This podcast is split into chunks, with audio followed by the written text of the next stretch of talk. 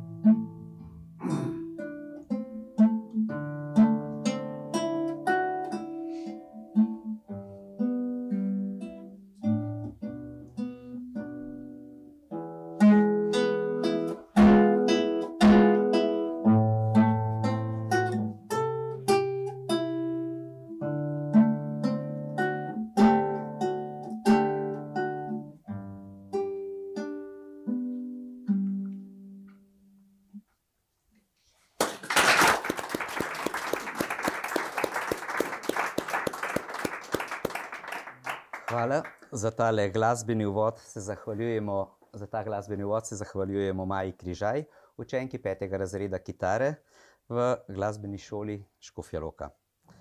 Nocoj pa v naši sredini pozdravljam patra Branka Cestnika. Verjamem, da tisti, ki ste prišli na ta večer, patra Branka Cestnika poznate.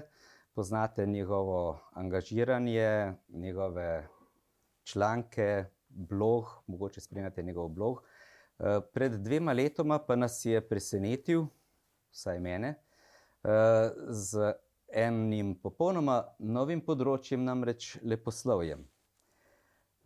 pa kar začetek, začetek eno vprašanje. Kako da je avtor polemičnih člankov, razprav, teoloških razmišljanj zašel v literarne vode? Ja, torej,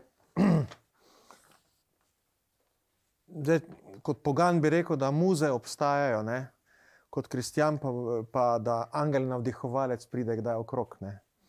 In, torej, nisem si jaz niti sam predstavljal, da bom kdaj napisal kaj takega.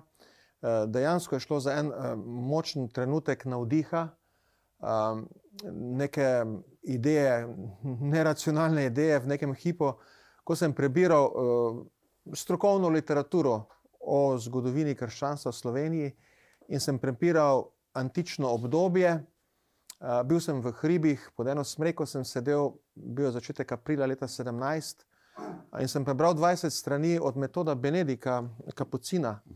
Dvajset strani o Ptuju, in antičnem krščanstvu na Ptuju in Viktorinu Ptujskem, ne, imamo njegove spise. In potem je kapnilo, sem pa v tistem času bral zgodovinske romane, rad. Mi je kapnilo: to bi pa mogel nekdo napisati roman."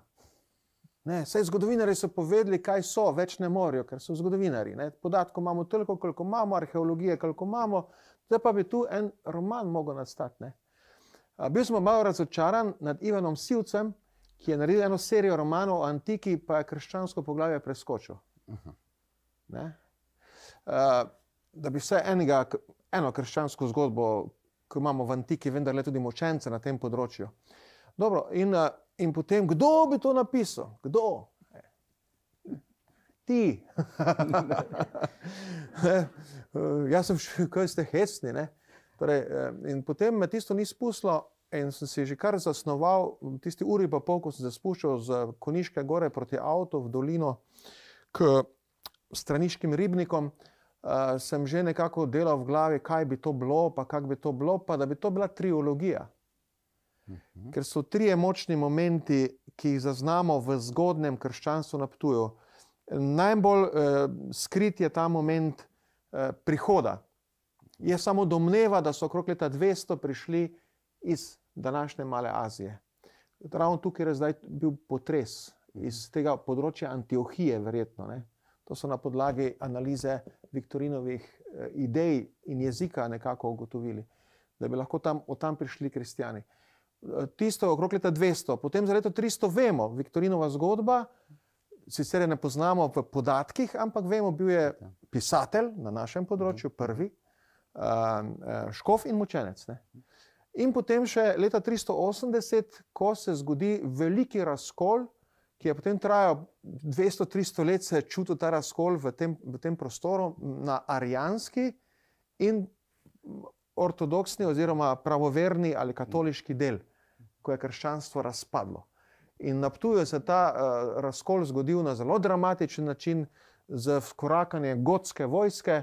In je škof, ki je bil arijanec, goti so pa bili arijanci tudi, se oblekel v nekega germanskega vrača in je šel naproti gotom, napadalcem in jim izročil mesto Ptuj. Tako da je potem sveti Ambrož Milanski kritiziral tega škofa na sinodi v Ogleju. No, to, sem rekel, le te tri zgodbe, to bi bilo za napisati. In kdo, jaz, kak, kak se to sploh dela, nisem vedel. kak se roman piše? Kak Ja. se bere, vem, kak se piše, nisem vedel. Uh, moram reči, da ko sem prebiral vaše bloge, vaše prispevke, takšne in drugačne, uh, in potem, ko človek začne brati uh, te vaše leposlovna dela, da je nekje podobna mentaliteta zaslediti v romanu. Namreč eh, lotite se v posameznem poglavju enega problema, seveda na znanih zgodovinskih osnovah, in ga dodelate, ampak vda, vdahnete ljudem, ki v tem eh, poglavju nastopajo dušo. Namreč tisto, kar ste prej omenili, kdo bo to napisal. Vedel, vedeli smo po zgodovinskih virih marsikaj, kako pa to v zgodbo spraviti, to je pa vam uspelo. Torej, eh, posamezna poglavja so taka. Eh, Prvo leposlovno delo vaše je Sonce Petovione, za katero ste bili celo nominirani za Kresnika. Kako je bilo to, ste bili presenečeni? Jaz sem bil zelo presenečen. Ne. Jaz sem eh, roman Delo Inkognito, sem ga pisal leto pa pol, razen na zakonski skupini, ko so rekli, kaj delaš, neko imamo tista poročila. Rekel, pišem roman. Hm. Kje bo to objavljeno? Mogoče kar na mojem blogu, tako sem imel idejo. Nisem niti razmišljal o založbi. Ne. Uh, no, potem pa je že to nekaj nastalo, nekaj večjega, in uh, je potem uh, stvar šla uh, do, do Mohorjeve. Na pločniku sem srečal komercialnega direktora Mohorja, sem rekel, da pač nekaj pišem, če bi jih zanimalo. Uh, in jih je, in potem so me sesuli, ko so tisti rokopis videli, kaj je to, neki zgodovinski učbenik, roman, neka, neka mešanca. Ne? Uh, in uh, manj podatkov, manj latinščine, uh, manj tega, bi rekel, blogerskega prispevka, pa bolj zgodba, bolj žmohna zgodba mora biti. Jaz sem še po tistem več kot leto dni delal, ne, po tistem prvem. Uh, in uh, tako da sem vse skupaj delal leto, dve leti pa pol, roman. Uh, z študijem, z, predvsem z veliko študije arheologije. Ne, eh, hvala Bogu, je v- ogromno ptujske arheologije na spletu, Ubi Erat Lupa, ta panonski del, tudi hrvaški, avstrijski, mačarski in slovenski, je eh, nekako so vsi spomeniki zapisani na internetu, jih najdete v nemščini, eh, obrazložene. In sem potem iz teh spomenikov črpal imena, poklice ljudi, junake sem si poiskal na spomenikih. Tako da sem v romanu 16 ljudi, ki sem jih prebral iz nagrobnikov, oživel, med drugim tudi župana mesta Ptuj, Gaja Valerija Tetija Fuska. Eh, nastopa je potem v romanu. To je mm, nekje v notranjosti bil neki dolg do mojih prednikov. Jaz sem Ptujčan, Hedinčan, ne? mi smo imeli nive, krave sem pasel na rimskem Britofu, spodaj rimski Britov, pod nogami bil. In potem nekje to čutiš, ta dolg do teh, ki so tu živeli. Ne? Um, ja, in potem je stvar šla ven, rekli so mi, gledaj, 400 400 romanov takih se proda v slovenskem prostoru, ta je zahteven. Sem rekel, jaz tako ciljam bolj na tiste, ki jih zanima zgodovina, pa latinščina. Rečemo, en taki študent zgodovine, idealni bralec mojega romana. Ne? Uh, ampak je potem bilo hitro opaženo in me presenetilo, ne, uh, hitro me je opazil gospod Marko Crnkovič in gospod Marjan uh, Zlobec. Ja. Uh, sta me opazila in je potem ta uh, um, Focus Pocus portal, uh -huh. še preden so sploh katoliški se malo Mediji. zbudili, ne, mediji, je že tam bilo objavljeno ena dobra, uh, dober vtis, bi rekel, bolj kot kritika. Ne. Uh, in uh, gospod Marko Crkovič je drugač primerjalno književno študiral, mi ga poznamo bolj kot polemika Ja. ne, in tako, ampak on je eh, št- študiral to. In je potem stvar šla naprej, seveda so dali roman za kresnika, ampak so rekli, eh, se ne bo, veš, duhovnik si.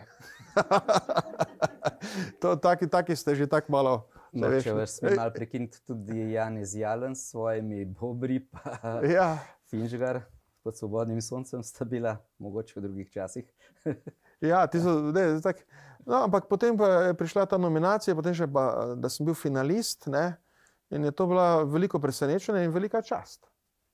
Ne, da torej nekako na ta parnas slovenskega romanopisja sem nekje imel pristop na rožnik, ne, eh, po tistem Makadamu gor do Cankarjevega svetišča. No, in, eh, in da sem malo srečal tudi te pisatelje. In tudi njega, sem srečal njega z veliko pisano, Jančarja, ne, ki je takrat prejel deseti, Deseti. za des, kresnika desetletja, za to noč sem jo videl. Uh, ja, tako no, eh, je bilo res lepo doživetje tudi to. In sem tako tudi spoznal, ne, da slovenski prostor ima, da v Sloveniji živi en narod knjige. Ne, se tudi tu ste narod knjige. In je transverzalen, ver, ne veren, levi, desni, ampak je to narod knjige. In da ta narod knjige bi moral več dati od sebe, tudi v družbenem smislu, ne, ker je povezovalen, ker bere. Eh, oni, politični fanatiki, ne berejo drug drugega. Kdor pa ima rad literaturo, pa bere. Jaz berem ateiste, komod. Sem duhovnik. Ne? In verjamem, da so ateisti, ki komod berejo mene, ker imajo radi knjigo. In ta narod knjige mi je bilo tudi eno posebno odkritje, poseben dar, da sem ga spoznal v tem dogajanju. Ja, eh, no, kot sem že prej omenil, eh, v knjigah, že v prvi, pa tudi zdaj v tej drugi, šesti pečat, ste vsakdanje dogodke takratnega časa, recimo požar, toplice, opisali na kar take zanimive načine. Kje ste črpali? Vseeno, nekje. Ja, Ni, ni vse nastalo v vašem Torej, ja, mišljenju. zdaj, eh, em, zdaj, zlasti prvi roman ne, je, je en, zadnji avtor romana je bralec, to sem zdaj tudi ugotovil. Ne. Bralec je tisti, ki je dokonča delo. Ne. Kako on odz, prebere, se odzove takrat je roman nekako dovršen. V bralcu se dovrši. Uh, in bralec je zelo, uh, ti da nazaj. Ne, in je en, enkrat ne, na Facebooku nekdo zapisal, da je roman ambientalen. Prvi, ne, Sonce Petovijona. Mi je bila ta beseda zelo všeč, ambientalen, ker je ambient protagonist. Ne. Eh, Ker eh, roman sledi bolj podzavestno, torej sem sledil koncept obujanja mrtve civilizacije in da ta mrtva civilizacija nastopa kot junak. Ne, in, eh, in potem imamo, da so ta civilizacija, rimska civilizacija, ki je 500 let bila na tem teritoriju, ne, eh, država. Torej, da ta rimska civilizacija spregovori v tisti svoji vsakdanjosti, kako se obnaša v požaru, kako se obnaša na konjskih dirkah, kako se obnaša na poroki. Ne, in spoznavamo, tako da smo moje enake predstavljali po teh dogodkih, da spoznamo, kako je eno rimsko mesto delovalo. Sveda sem pa to mogel študirati. In tu je bilo veliko, kar včasih napornega študija. Hvala Bogu, mi pomaga italijanščina. Ne? Italijani imajo potem specializirane tudi portale. Imel sem tudi nekaj literature uh, v knjižni obliki, uh, da sem to našel. Ampak imaš pa potem ogromno stvari. Recimo, sem napisal, na konjskih dirkah so se pojavili že pari. A super, seveda so se na konjskih dirkah.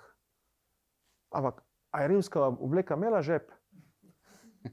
A lahko uporabim slovensko besedo žepar v kontekstu, ko ni žepov? Ne?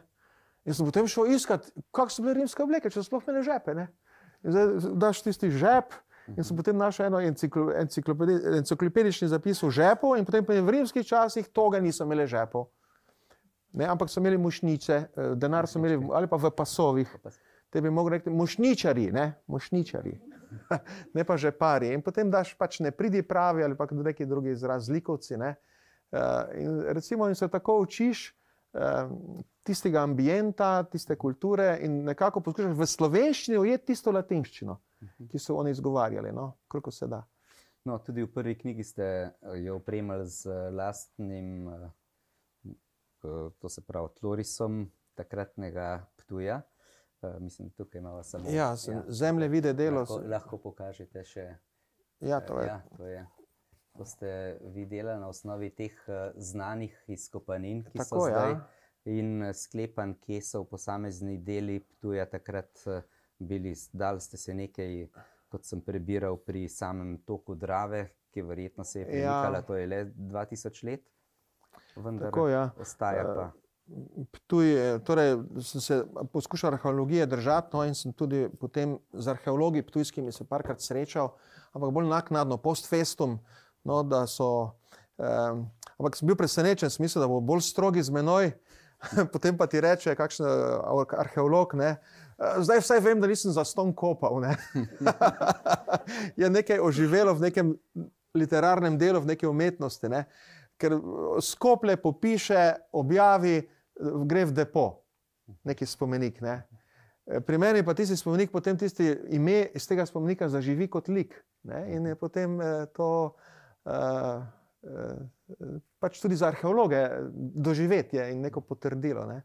Še druga stvar, ki mi je pa tudi presenetila pri obeh knjigah, je pa to, namreč povezanost v glavah ljudi današnjega časa, pa verjamem, da tudi takratnih, je nekje v spominu ti, tisto obdobje 50-ih, 60-ih let in to ostane zacementirano. Meje nespremenljive, eh, narodi tukaj, narodi tam, taki.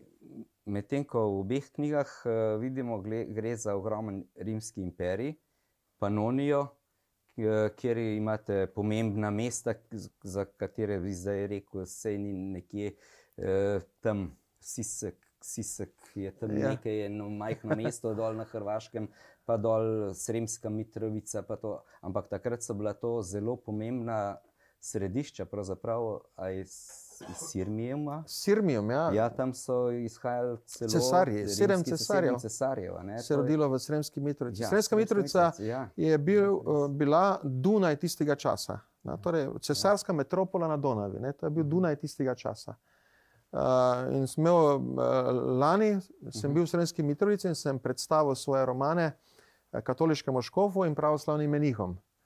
Uh, pa podaril knjižnici v Novem Sadu uh, ne, za njihov pač, oddelek oba romana.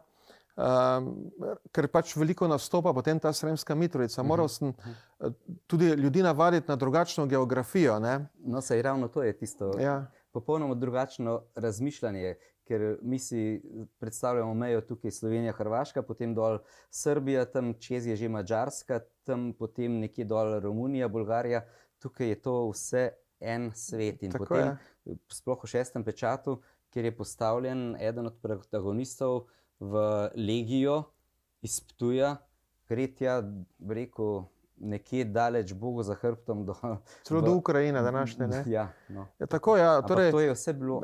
Podonavje je bila ena, ena enota, ne? to moramo tako razumeti.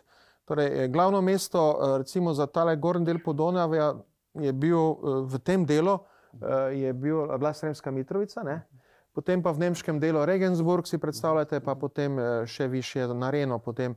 Ampak eh, in tudi politično je potem eh, vse, kar je bilo, kar mi štejemo danes za panonsko ravnico, je gravitiralo, reklo, je steklo po Savi in Dravi navzdol do Donave. Ne? Recimo Sisek. eh, Dolenska Bela krajina je upravno in verjetno potem tudi crkveno spadala pod Sisek, pod Siscijo. ne. Medtem ko pa je eh, Ptuj, Petovjona, je pa imela upravo onstran Varaždinskih toplic. Ne. Varaždinske toplice še imamo arheološko dokazane, da so spadale upravno pod Ptuj, ne. Ta akve jasaje. Uh, no, tako in da se potem tudi navadiš. In sem potem prebral en članek, kako so prvi kristijani, ki so na neko področje prišli, v rimskem cesarstvu upoštevali politične meje. Torej, če mi spadamo v provinco Panonijo, spadamo tudi pod škofa v tej provinci. In če je v tej provinci Panonija gl- škof eh, v Sremski Mitrovici, je on naš glavni škof. Ne? Eh, tako, potem Slovenija je bila razdeljena na te tri dele, se pravi Panonija, ki je gravitirala proti Podonavju, vzhodna Slovenija pa južna, potem imamo ta osrednji del, ki je gravitiral gor v Avstrijo, Norik, ne? in potem ta uh, gorensko, uh, zahodni del, ki pa je gravitiral v Italijo, v bistvu v Oglej. Uh, Tako približno je bila na tri dele razdeljena. Uh, predlagam, da preden greva na bolj na knjigo Šesti pečat, da dava še priložnost za eno glasbeno točko. Uh, prosil kar uh, Lucijo, uh, Rupar, učenko sedmega razreda kitare, da nam odigra Rosito Polko.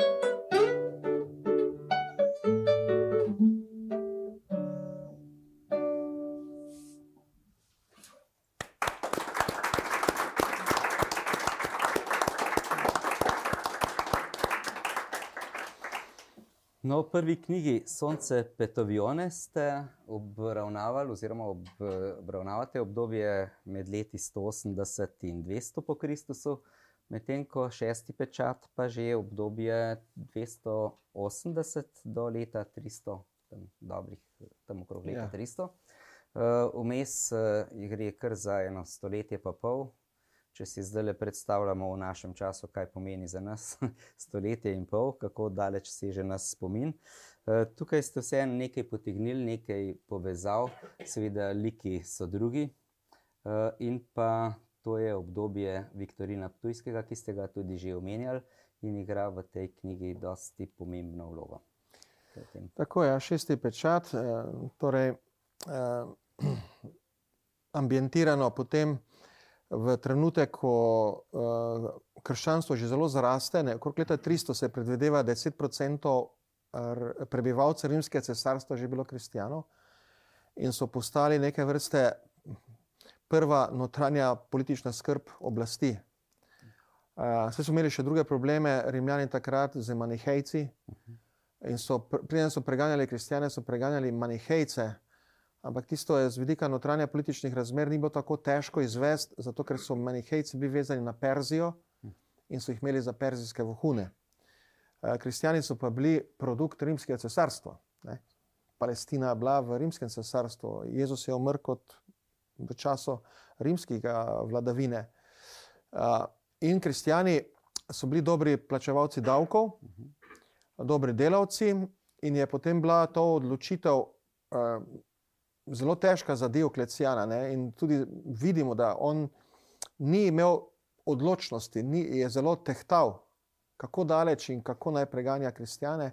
Zavedal pa se je, da, um, da gre rimsko cesarstvo v smeri krščanstva, da bo potem prej ali slej postalo krščansko, ne? če ne bo zdaj ustavil, da on ima zdaj še možnost to ustaviti. In so potem bile razne možnosti, od eh, krvavega genocidnega zatiranja, zato so se ogrevali njegovi sodelavci, Gaj Galeri, ki nastopa v romanu, in njegova mama, Romula. Eh, eh, in do administrativnih ukrepov, ne, takšnih prepoved zbiranja in podobno.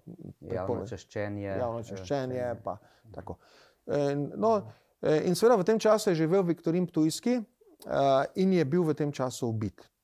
In to je vse, kar vemo o njem. Mi sicer imamo njegove spise, ki jih je Miran Špelič prevedel v slovenščino, leta 1999 so išli. To, kar je ostalo od njegovih spisov, ne ni veliko ostalo, ampak en celoten spis je ostal, razlaga apokalipse, se pravi razodetja. Imate potem uh, uh, tako, imate lepo Viktorinovo latinščino, tako groba latinščina, to ne, in potem uh, prevod v slovenščino. Uh, torej, in iz, iz tega, zdaj, meni je bilo to zelo težko, ker pa ni zgodbe. Vi imate sveto Lucijo in zgodbo o sveti Luciji, imate sveto Barbaro in zgodbo o njenem učeništvu, imate Maksimiljana Celskega, Maksimiljana Celskega in zgodbo o Maksimiljanu Celskem. Ne? Jo imamo zapisano v kroniki celskih grofov. O Viktorinu Ptujskem pa ne vemo nič. Kako je bil ubit, katerega leta točno, niti to ne vemo. Ne? Uh, kako je bil zaslišan, aretiran, nič. Ni dobenih podatkov. In to je bila potem za mene velika skrb, in eh, frustracija in izziv, da nekako zdaj eh, čisto na podlagi brez, torej brez podatkov eh, rekonstruiram smrt enega močenca. Ne? Potem sem še seveda jaz veren človek in, in imaš potem strahko spoštovanje do tega dejanja. Kdo sem jaz, da bom zdaj napisal, da je umrl tak pa tak. Vedeli ste pa, kako je funkcionirala družba tistega e, časa? Tako kako so, kakšni so bili odnosi, in ste potem v to. Ja, potem sem se pa, torej, se veste, nekako je pomembno pri zgodbi močenca, pomemben trenutek smrti. Ne? To je, uh -huh. takrat je on alter Kristus, tudi teološko, on takrat ponazarja Kristusa, ne? alter Kristus. Torej, in, in, in potem sem se lotil te metode, ne, ki ti jo tudi namignejo sami zgodovinari, torej primerjalno. Poglej, kako so ubijali kristjane v tem delu cesarstva v tistem času. In res v tem delu cesarstva, Podonavje, pa Avstrija, pa Oglej, ne, je vse posod, skoraj vedno bila prisotna voda. Utapljanje, Florjana, uh mhm. -huh. zavetnika, on je bil leta 304 utopljen s tovariši, ne. potem v Sremski Mitrovici so jih veliko utopili, uh -huh. eh, ali pa eh, obglavljanje in metanje trupla v vodo. Ne. Zato tudi sveti Justi Strsta bil utopljen, obtežen s svincem, pa vržen v Jadransko morje. Torej, ali pa obglavljen, to so bili kancijani, ne, ko so tu zelo pomembni. Ja, so tudi omenjeni, so bili torej, pa oglejski škov Krizogon, pa Irenej škov v, v Sremski Mitrovici, pa Isiska škov je, je, je bil utopljen, eh, eh, Kvirin, no torej voda, torej Drava če govorimo o tuju, je to drava. Ne? Potem sem pa gledal še kakšne druge stvari in sem videl, da na najstarejših tistih kipih uh, Viktor in Ptujski ima zraven meč.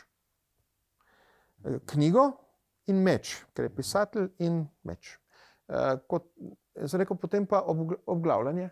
Bom vzel tole, tale ikonografski simbol meča uh, kot, uh, in sem potem izbral smrt obglavljene na mostu. Uh mhm. -huh kot sveti Pavel. Kot sveti Pavel. Ampak potem pa tako kot pri drugih močencih, škov eh, v Sremski Mitrovici, pa v Ogleju, torej, da vržejo truplo v reko. Potem pa tiste nadaljni koraki, sem spet bral uh, tiste akte o močencih, kako so bili koraki, kaj se je dogajalo okrog mučeništva, kako so odreagirali kristijani, kako oblast, kako policija uh, in kaj se je dogajalo s truplom. Ne? Kristijani so potem vedno hoteli truplo dobiti. Uh, preganjavci so pa vedeli, da jim je truplo sveto. Ne, in potem so se, včasih so postili kristijanom truplo vzeti in pokopati mučenca, včasih pa so zastražili prostor, da ne bi kristijani prišli do relikvij.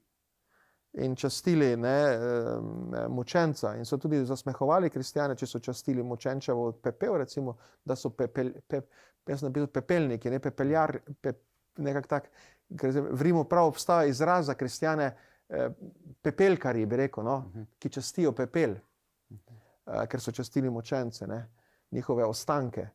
Uh, torej, um, ja, in tu je bilo potem ta, ta, ko sem imel sam največjo blokado pri romanu.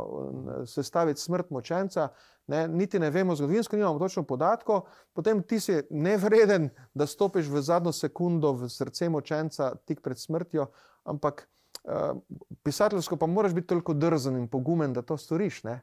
No, verjetno vam tudi nihče ne more zameriti, ker vendarle gre za literarni, Ja, tako, ja. literarno delo, To, eh, ki pa nekako vseeno približa življenje in tudi smrt teh ljudi, učencev vsak dan. ja, samo zdaj, zdaj bom jaz gotovo s tem romanom vplival na imaginarij ljudi. Ne. druga stvar. Kak je umrl Viktorin Ptujski? Ja, obglavili so ga pa vrgli v Dravo. Ja, kako vemo to? Uh, ja, se je Branko napisal. No, ja, ravno za zgodovinski učbenik, verjetno ne Ja, ja, ja, ja, za ja. študij teologije. Ampak pa jaz tudi razložim v tako, pombah, ja. ne, muče, Ja. mučeništva drugih mučencev. Potem sem prebral eno dobro knjigo v španščini uh, o usmrtitvah kristijanov v Rimskem cesarstvu, kjer so vse usmrtitve analizirane z veliko simbolike, potem um, samega dejanja, simbolike posameznih eh, elementov usmrtitve. Tako da sem se potem kar dobro lahko orientiral, pa rekonstruiral ta eno tako usmrtitev. Ne. Je pa eno veliko uh, nasprotje, oziroma občutek, ko prebereš knjigi eh, Sonce Petovione in pa šesti pečat Sonce Petovione, je vseeno majhen bolj, kako naj rečem, svetla, medtem ko je šesti pečat uh, bolj temna, več nasilja.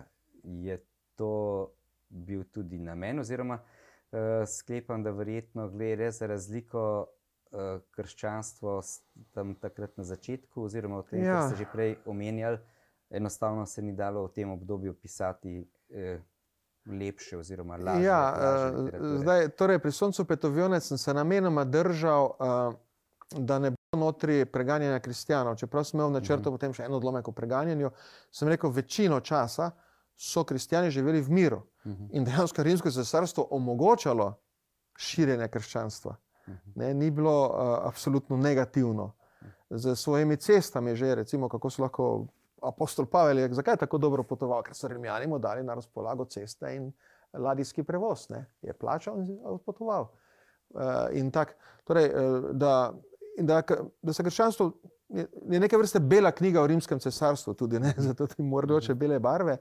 Um, uh, Seveda, mogel sem pa upoštevati ambient Panonije, ki je bil zelo vojaški, Mhm.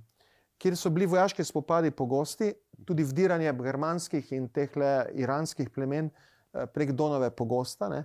So bila ta vdiranja in je, eh, torej, pa vojska je bilo ogromno vojakov, pa bivših vojakov vse posod, zlasti v Naptuju, ne, da je ta vojaški element dovolj zastopan, da tudi spoznamo Rimljana v bitki ne, in njegove probleme, vesti, recimo, če, že, če že lahko o tem govorimo. To je bilo pri prvem romanu, eh, torej v glavnem miren roman, svetel, eh, drugi pa seveda je obdobje, ko se nekdo odloči, da bo zbrisal eno religijo ne, in se odloči za uh, trdo metodo. Mhm. Uh, in potem pa je bilo samo vprašanje, koliko bom zdaj z nasilja tu noter prikazal. Jaz sem prebral Eusebija Cezarejskega o močencih, eh, o palestinskih močencih, ki je zelo krvavo bilo, recimo, pobijanje eh, kristijanov na bli, današnjem Bližnjem vzhodu.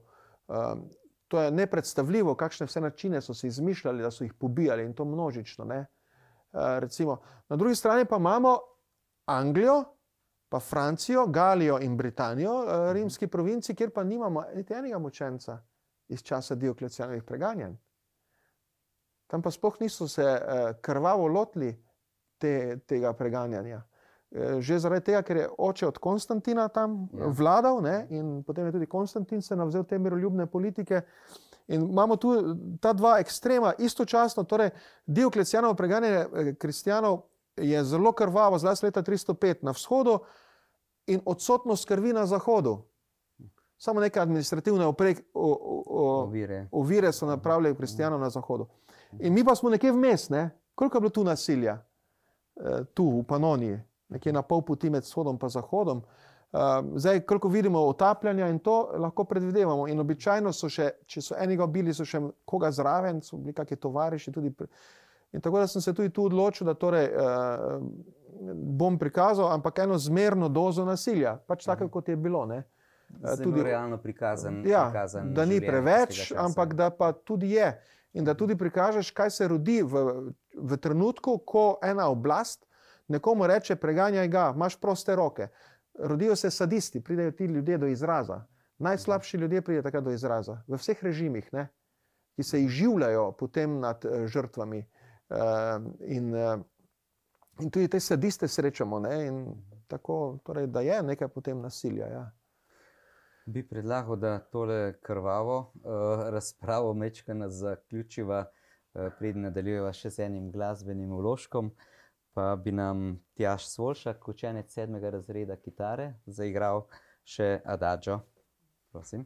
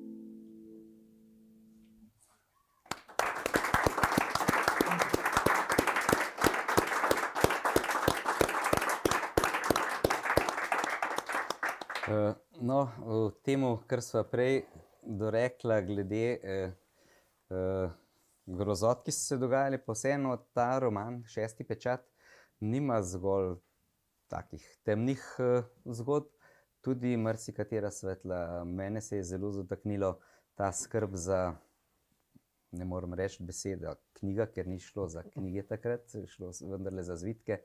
Eh, kako, kakšna skrb je veljala za prenašanje zapisov, takrat prvih prevodov, eh, svetih besedil, in tudi to, da so veliko vlogo pri tem igrale ženske.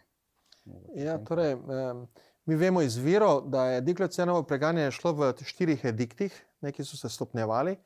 Prvi edikt februarja leta 303 je zapovedal torej zbira, prepoved zbiranja, druženja, obredov kristijanov.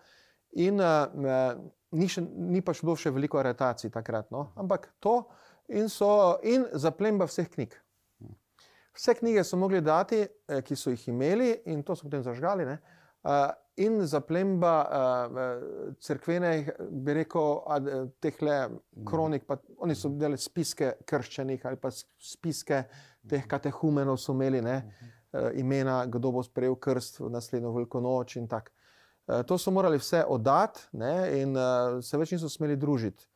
Uh, in ni pa še bilo takrat prvi ukrep, še ni bil, da bi šel direktno na ljudi. Potem drugi ukrep pa je že šel direktno na ljudi, ko so zaprli starešine in voditelje. To je bilo pa potem poleti leta 303. Tretji ukrep je malo poskušal umiliti. Uh, prva dva ukrepa, ker je preveč kristijanov končalo v zaporih. Četrti ukrep, pa ko je Dioklecijan zbolel, pa je potem njegov socesar uh, Gaj Galeri malo prevzel vajati, pa je potem grejo, morajo vsi darovati, drugače pa jih pobijemo. Ne? Uh, in je potem tisti četrti ukrep sprožil, to je pa bilo spomladi 304, to, to, to splošno krvavo preganjanje. So pa že prej tudi koga ubili, recimo Viktorina. Uh, ja, um, uh, torej, kaj smo rekli? Že? Glede skrbi za, za te knjige, za knjige ja, in uh, zdaj, varovanje, skrivanje, ja, zdaj, prepisovanje vloga žensk. Ja, ja, celo, so- se veste, ja. vse to je tudi v naši zgodovini se bilo, ne vem, eh, fašizem, ko je ja, prišel, ja. pa skrivanje knjig pred fašisti, pa ko je nacizem prišel, pa slovenske knjige skrivati, ne, pa potem, ko je prišel komunizem, pa spet ene druge skrive, knjige skrivati ne, pred režimom. Eh, Torej, eh, ampak jaz sem se tu tudi obrnil na eno zgodovinsko dejstvo in sicer, da so bile v Solunu, v Tesaloniki tri sestre. Eh, To poroča eh, njihove akte imamo shranjene o njihovem učeništvu. To so bile Agapa, Hiona in uh, Irena. Uh, in imamo tisto zasliševanje, potem uh, ohranjeno, ko jih zaslišujejo, potem ko ujamejo zadnja, ne vem, zadnja je bila Hiona, ki so jo ujeli ali Irena, uh, ki se najdlje jim je uspelo se skrivati. Kje si se skrivala? V hribih. Uh, na podeželju se je skrivala. Ja. To je neka zgodba Ja. teh zgodb. eh, Ja. tih- In uh, skrivala knjižnico s sabo. Ne, Ja. Ta ženska je se skrivala v podeželju, pa skrivala knjige. In potem sem jaz od tele, to, kar, to so bile tri sestre, ki so bile potem ubite aprila leta 304 v Tesaloniki, se pravi v Solunu, bile žive zažgane. In Od te tri sestre sem jaz potem vzel za moje tri sestre, ki nastopajo v romanu, ne, ki nekako oklepajo roman, tako da ima ženski, ženski plašč, ki je zavit cel roman. ne. Uh, torej, in, uh, in tudi navdih, da je ena izmed njih knjižni, tajna knjižničarka knjižničarka.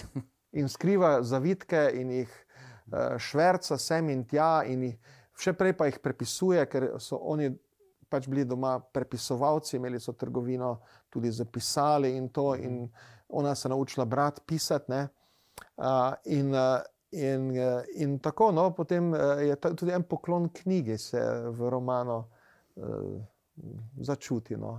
In pomen, pomen uh, uh, knjige kot ene materije in pa prinašalke idej, besedila, kulture. Tako je, ja, tudi če nas vse pokončajo, bomo še knjige nekje skrili, nekdo jih bo našel. Ne?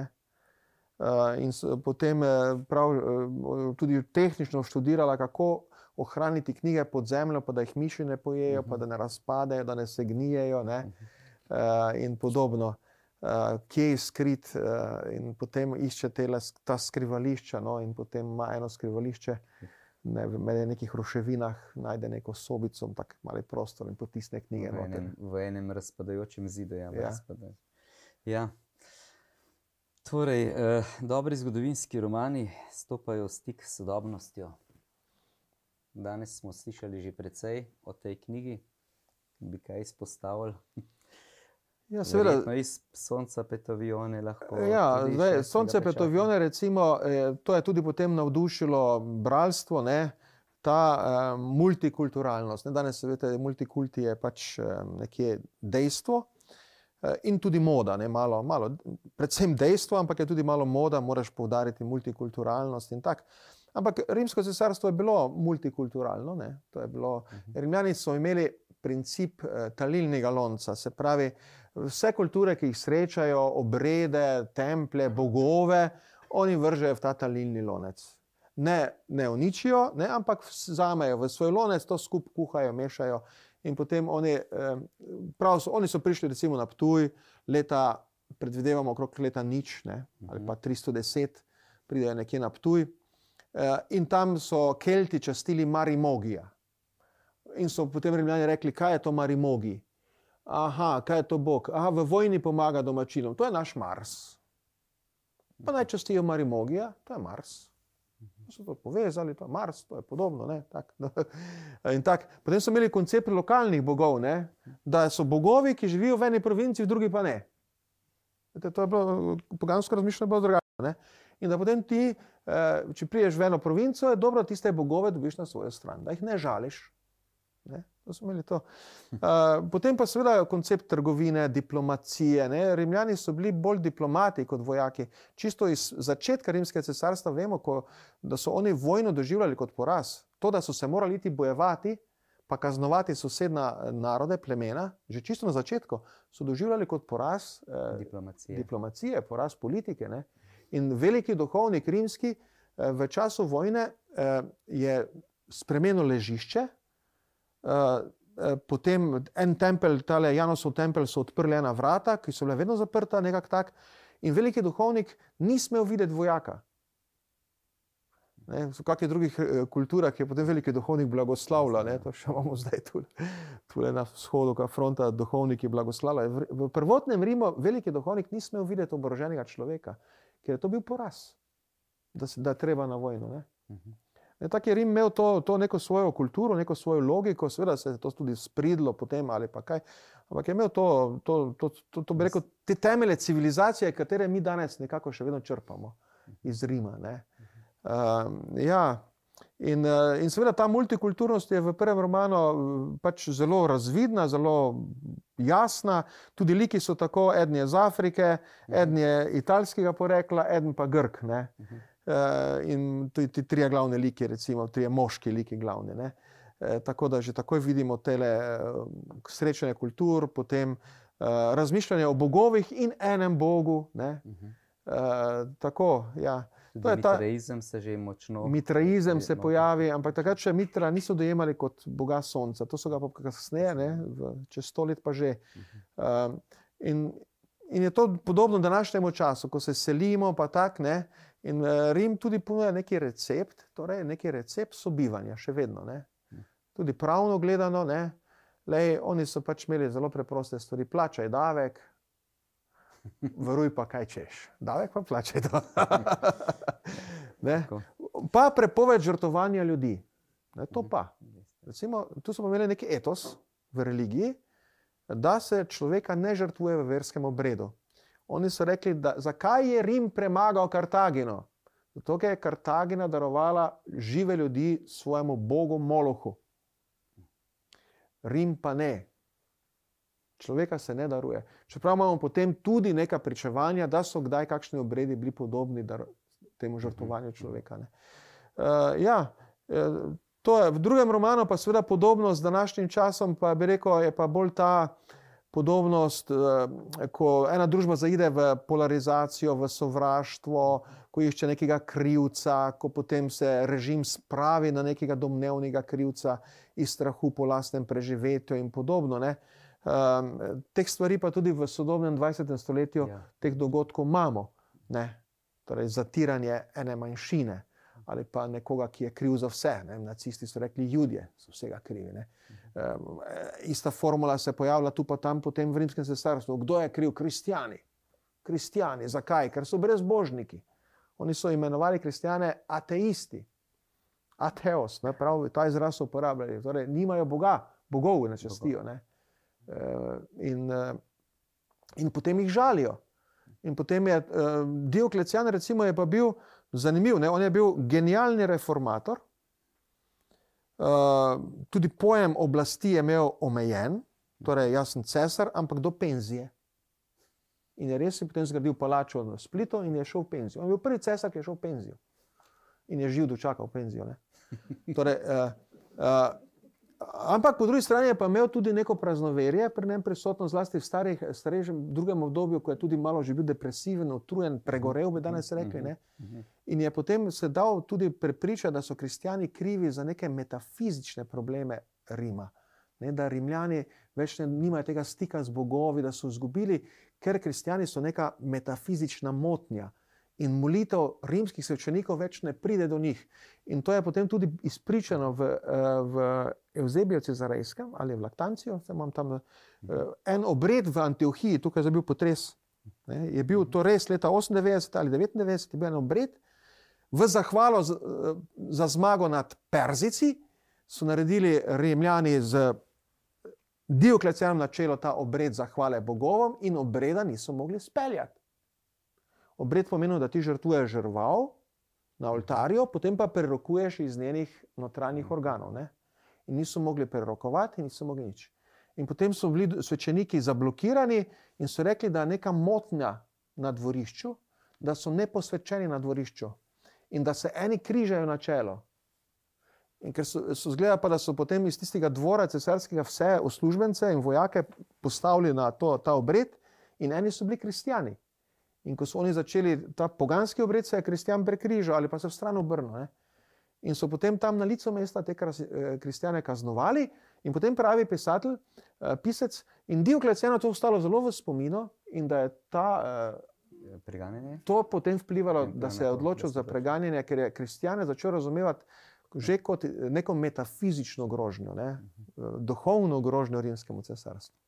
No, vsega ne bova povedala. Ja, Eh, prepust, nekaj prepustimo, vendarle gre za literarno delo, ki naj prepusti nekaj tudi bralcem. O, ja. Eh, bi pa eh, za konec vam čestitev, ker uspelo vam je eh, mrtvo civilizacijo iz ostankov kamnov, se pravi nagrobnikov njihovih, oživeti v teh eh, likih. Eh, bi pa vseeno dal kakšno priložnost tudi našim nocojšnjim obiskovalcem, da postavijo verjetno kakšno vprašanje. Bi kdo še kaj mogoče? Verjetno potem, ko kamere ugasnejo. uh, ja, prosim. Je bil kakšen poseben odziv na Ptuju, samo ponavljam, toliko, da se sliši. ja, na Ptuju je bil zelo lep odziv no, v teh krogih, eh, tudi strokovnih, ne, zgodovinarji in arheologi, recimo, uh, pa v teh, eh, ki gojijo to umetnost na Ptuju. Vedno je bila neka želja, da bi Viktorina Ptujskega bolj poznali, recimo zlasti pri šestem pečatu. Ne. Uh, um, se so tudi potem že pojavile hitro ideje, da bi to nekako tudi v eno gledališko formo spravili, ne? Eh, da bi imeli mi neki pasion lahko. Ne? Recimo, Roka dobiva očitno konkurenco na Ptuju. eh, ja, eh, tako da bi malo, recimo, kakšno, da bi se v umetnosti lahko nadaljevalo. Ne? Ker zdaj kip Viktorina Ptujskega imamo, naredil Viktor Gojkovič, kipar. Potem smo imeli simpozij leta 2003, tako da strokovno je, pre- dela so prevedena. Ne?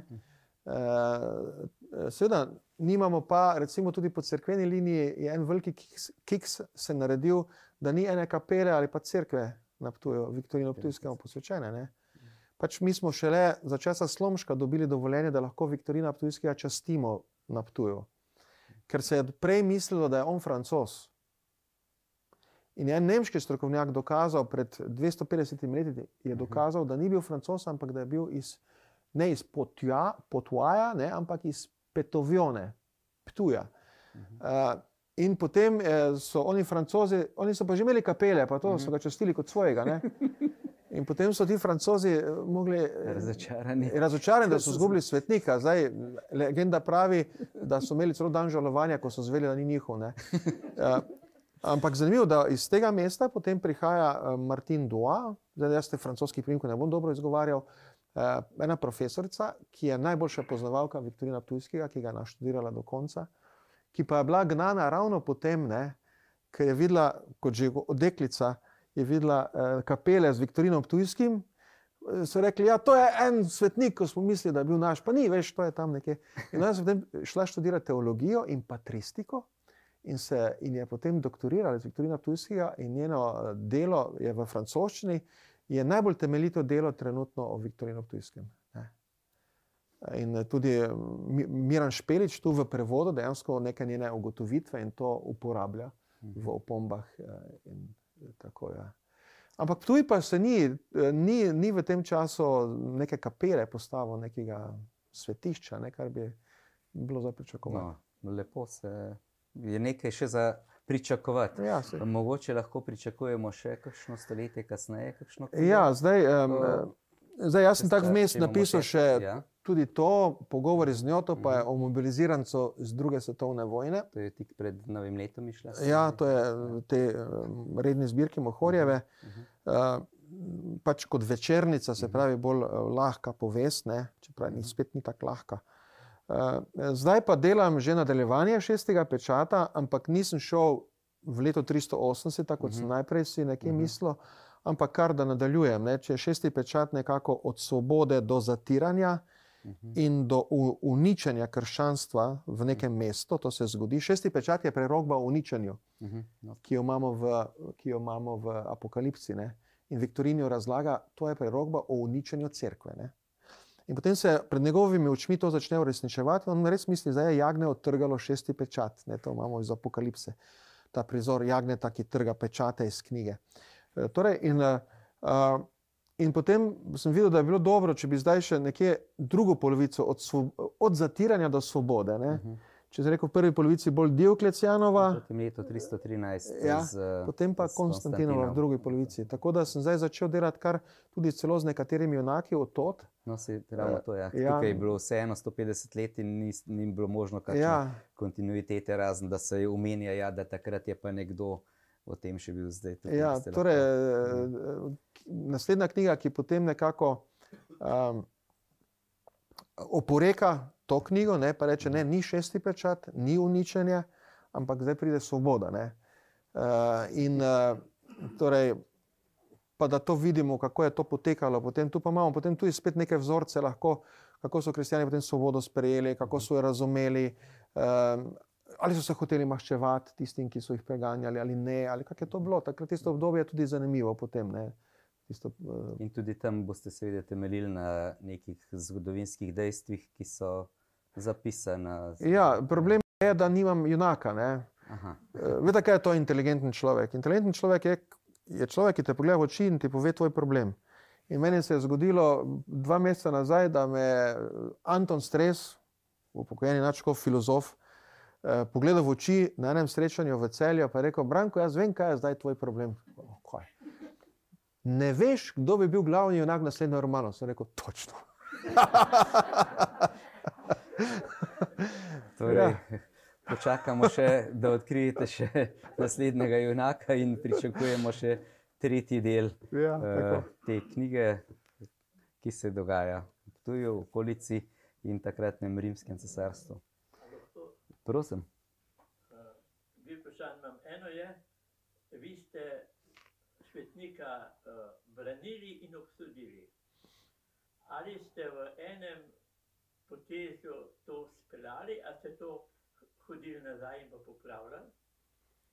Drugo pa je, ali je kakšna um, primerjava možna s sedanjim časom. Ja, torej, no, jaz sem zdaj. Uh, v šestem pečatu je osem pogle, velikih poglavij, ki sl- sledi osmim junakom. Ne? In vsako ima ime po junaku. In trije od teh osmih so preganjavci. Tako da mi z vidika preganjavca spoznamo. Ne? In eden izmed preganjavcev niti ni tako hudoben, čeprav je potem odgovoren za najhujše stvari, ampak osebno ni hudoben. Recimo. Spoznamo pa vrhovnega preganjavca tudi Konstantina. Ne Konstantina, se pravi, Konstantina spoznamo tako kot stranski lik, ampak uh, Dioklecijana. Uh, celo si jaz sem si dovolil, da sem takrat tam v tisti sobi, ko se on odloča o preganjanju. ne. Eh, torej, tako da je ta vidik preganjavca zraven, pa njegove dileme, tudi moralne dileme, ki jih ima pri tem. Ne, se ni bilo to enostavno proti svojim držav, državljanom iti. Rim je bil inteligenten, ne, je le premišljeval, uh, kaj to pomeni. Torej, um, um, potem tako, da sem eh, rekel, poskušal tudi rekel, malo politično korektno ne, uravnotežiti te vidike. Ne, uh -huh. Tako da Ni zgolj z enega, ni z enega zornega z enega kota, ali pa kota, se ja. izogibal, da bi to bil nabožni roman. Ne, to ni nabožni roman. Ne.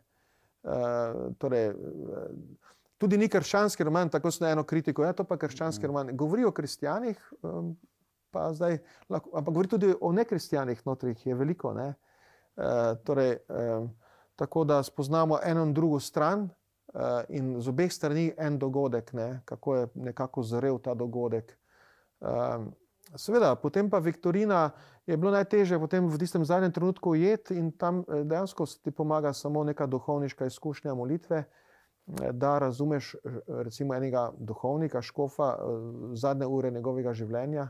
Eh, Torej, eh, kot molilca sem ga potem nekje postavil, ne, ki moli za vse. Uh, tako, ja, drugo pa je bilo. Uh, ja, s- ja, Ja, sem, sem, seveda da sem porabil ene stvari. Jaz sem porabil stvari, grde stvari, ki so jih nacisti delali v okolici Ptuja, nekatere. Ne.